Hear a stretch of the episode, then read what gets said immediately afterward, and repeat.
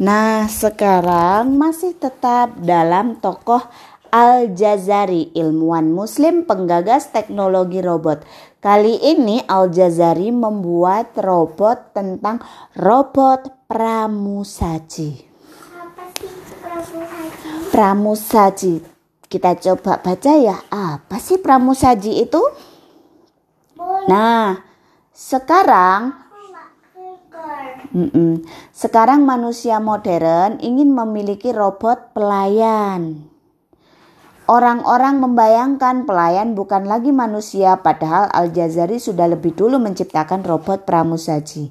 Robot pramusaji bertugas menghidangkan minum. Robot ini memiliki penampung air yang bisa dialirkan ke wadah. Nah, minuman dialirkan dari wadah ke cangkir. Begitulah cara robot pramusaji melayani kebutuhan minum. Nah, dunia terkagum-kagum dengan robot ciptaan Al-Jazari. Apalagi robot yang diciptakan sudah berwujud seperti manusia. Bagian luar robot sudah berwujud manusia tetapi sesungguhnya di dalamnya ada rangkaian mesin canggih. Robot-robot itu sudah berfungsi menggantikan pekerjaan manusia. Sayangnya robot itu masih terbatas jumlahnya karena belum diproduksi untuk industri. Nah, itu adalah robot pramusaji yang diciptakan oleh Al-Jazari. Jadi kalau misalkan Kak Kia haus nih.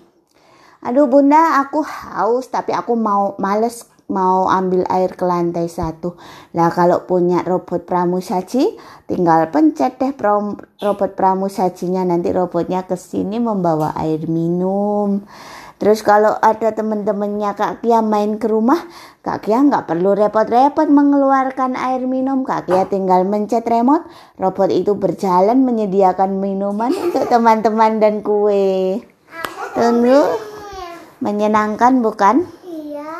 Iya, tapi sayangnya peralatan robot pramusaji yang diciptakan Al-Jazari itu tidak terba tidak digandakan menjadi banyak. Jadi terbatas.